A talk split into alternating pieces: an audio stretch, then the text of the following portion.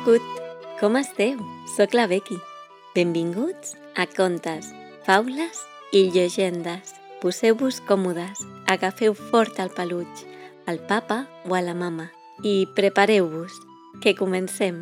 Avui farem un petit especial on explicarem el que significa el bosc en els contes. I dins del bosc ens trobem amb éssers màgics com són les dones d'aigua.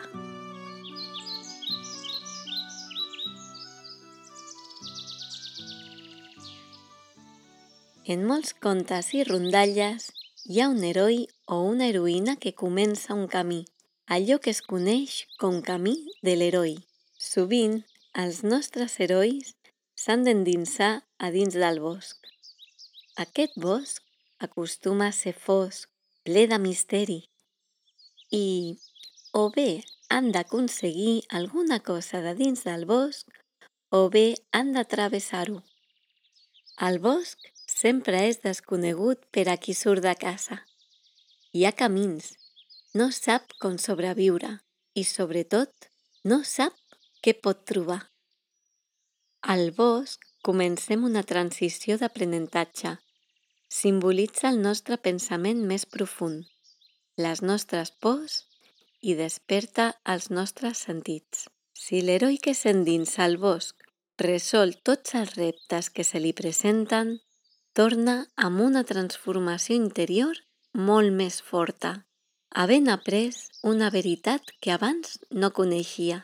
Alguns exemples de contes que el bosc té un paper determinant pot ser a Hansel i Gretel, a la caputxeta vermella, i al Macduff, la Dorothy, ha de caminar pel camí de rajoles grogues, i és a dins del bosc on troben el lleó sense valor. Recordem també quan la pel·lícula de Blancaneus s'endinsa al bosc i ho troba tot fosc i li fa por. A Catalunya trobem l'home escorça i la dona molsa, que potser un dia parlarem d'ells. Però al bosc viuen uns éssers màgics que cuiden de la natura. Aquests éssers són les dones d'aigua. Les dones d'aigua que habiten als boscos Viuen als rierols o als gorgs. Són descendents de les antigues nimfes, però de vegades pot ser alguna noia que hagi patit algun encanteri. En molts contes, la dona d'aigua ajuda perquè és la seva naturalesa i perquè desitja protegir la vida i el benestar de tots els éssers que habiten al seu entorn, inclosos els humans. La figura de la dona d'aigua simbolitza la natura, la seva bellesa i el seu poder, però també la seva fragilitat i la necessitat de protegir-la. En molts contes, la relació entre humans i les dones d'aigua és una relació de respecte mutu i les dones d'aigua ajuden els humans perquè desitgen que els humans visquin en harmonia amb el seu entorn natural. Hi ha històries on diuen que viuen en palaus de vidre submergits que no es poden veure des de fora de l'aigua. Per tant, la seva condició màgica fa que puguin respirar sota l'aigua i també a fora. Els hi agrada la nit i la llum de la lluna. L'aprofiten per fer allò que més els hi agrada, que és banyar-se als gorgs, rierols o petits salts d'aigua. Allà fora de l'aigua es pentinen assegudes, cosa que és normal, ja que tot el dia sota l'aigua els cabells s'acaben enredant molt. És a dir, per norma general, les dones d'aigua són pacífiques, però si es troben amb algú que no respecta la natura, es poden enfadar, ja que la seva missió és protegir-la. Recordeu la llegenda del gegant de Sau que vam explicar? El noi va fer enfadar a la dona d'aigua al comportar-se com un malcarat i no importar-li res més que ell mateix. Diuen també que si un humà veu una dona d'aigua sense roba, es converteix en pedra. Aquesta creença prové de l'antiga mitologia, on deia que qui veia la deessa Afrodita nua es tornava sec. Precisament hi ha diferents tipus. La que surt al gegant de Sau es tracta d'una que s'anomenen encantades.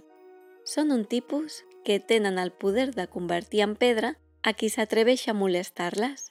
Durant molt de temps s'han representat com a noies joves d'ulls clars i cabells llargs, però en realitat hi ha dones d'aigua velles i de tot tipus de color de pell.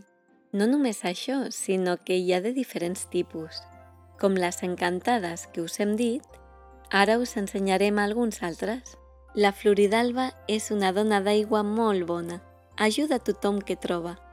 És molt petita, com el patufet, i pot ser que passejant pel bosc hagis passat pel seu costat sense veure-la. La Floridalba té el poder de convertir-se en un ocell de foc.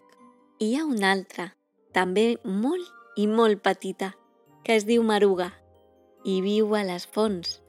Aquesta no és tan bona i quan hi ha una noia que veu aigua a la seva font, entra per la boca i la pot deixar embarassada. Això també prové de Grècia, on el déu Poseidó es tornava aigua i podia fer el mateix. Les dones d'aigua també poden viure al mar. Sí, ja sabeu de quines parlem. Les sirenes també són dones d'aigua i poden convertir-se en ocells o peixos. També poden transformar només la meitat del seu cos.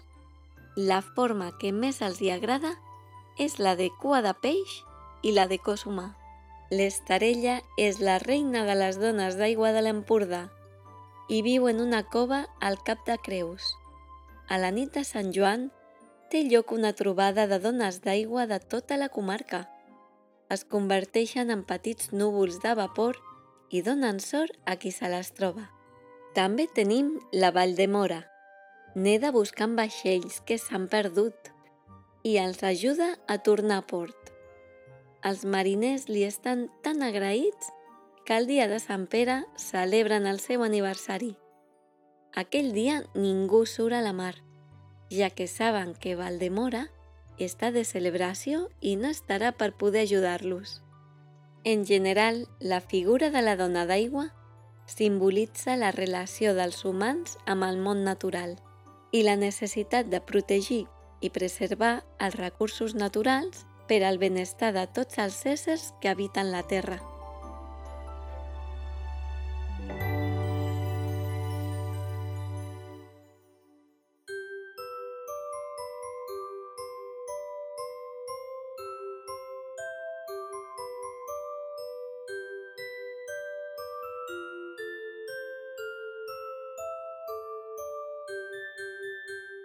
Aquest ha estat el capítol especial d'avui.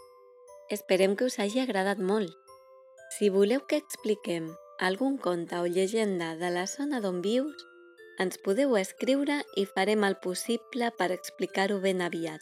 Ens posarem molt contents si us subscriviu a aquest podcast. Així us podrem avisar quan fem un altre. I no oblideu compartir-ho si us ha agradat. Us esperem als nostres perfils d'Instagram i Twitter que teniu a la descripció.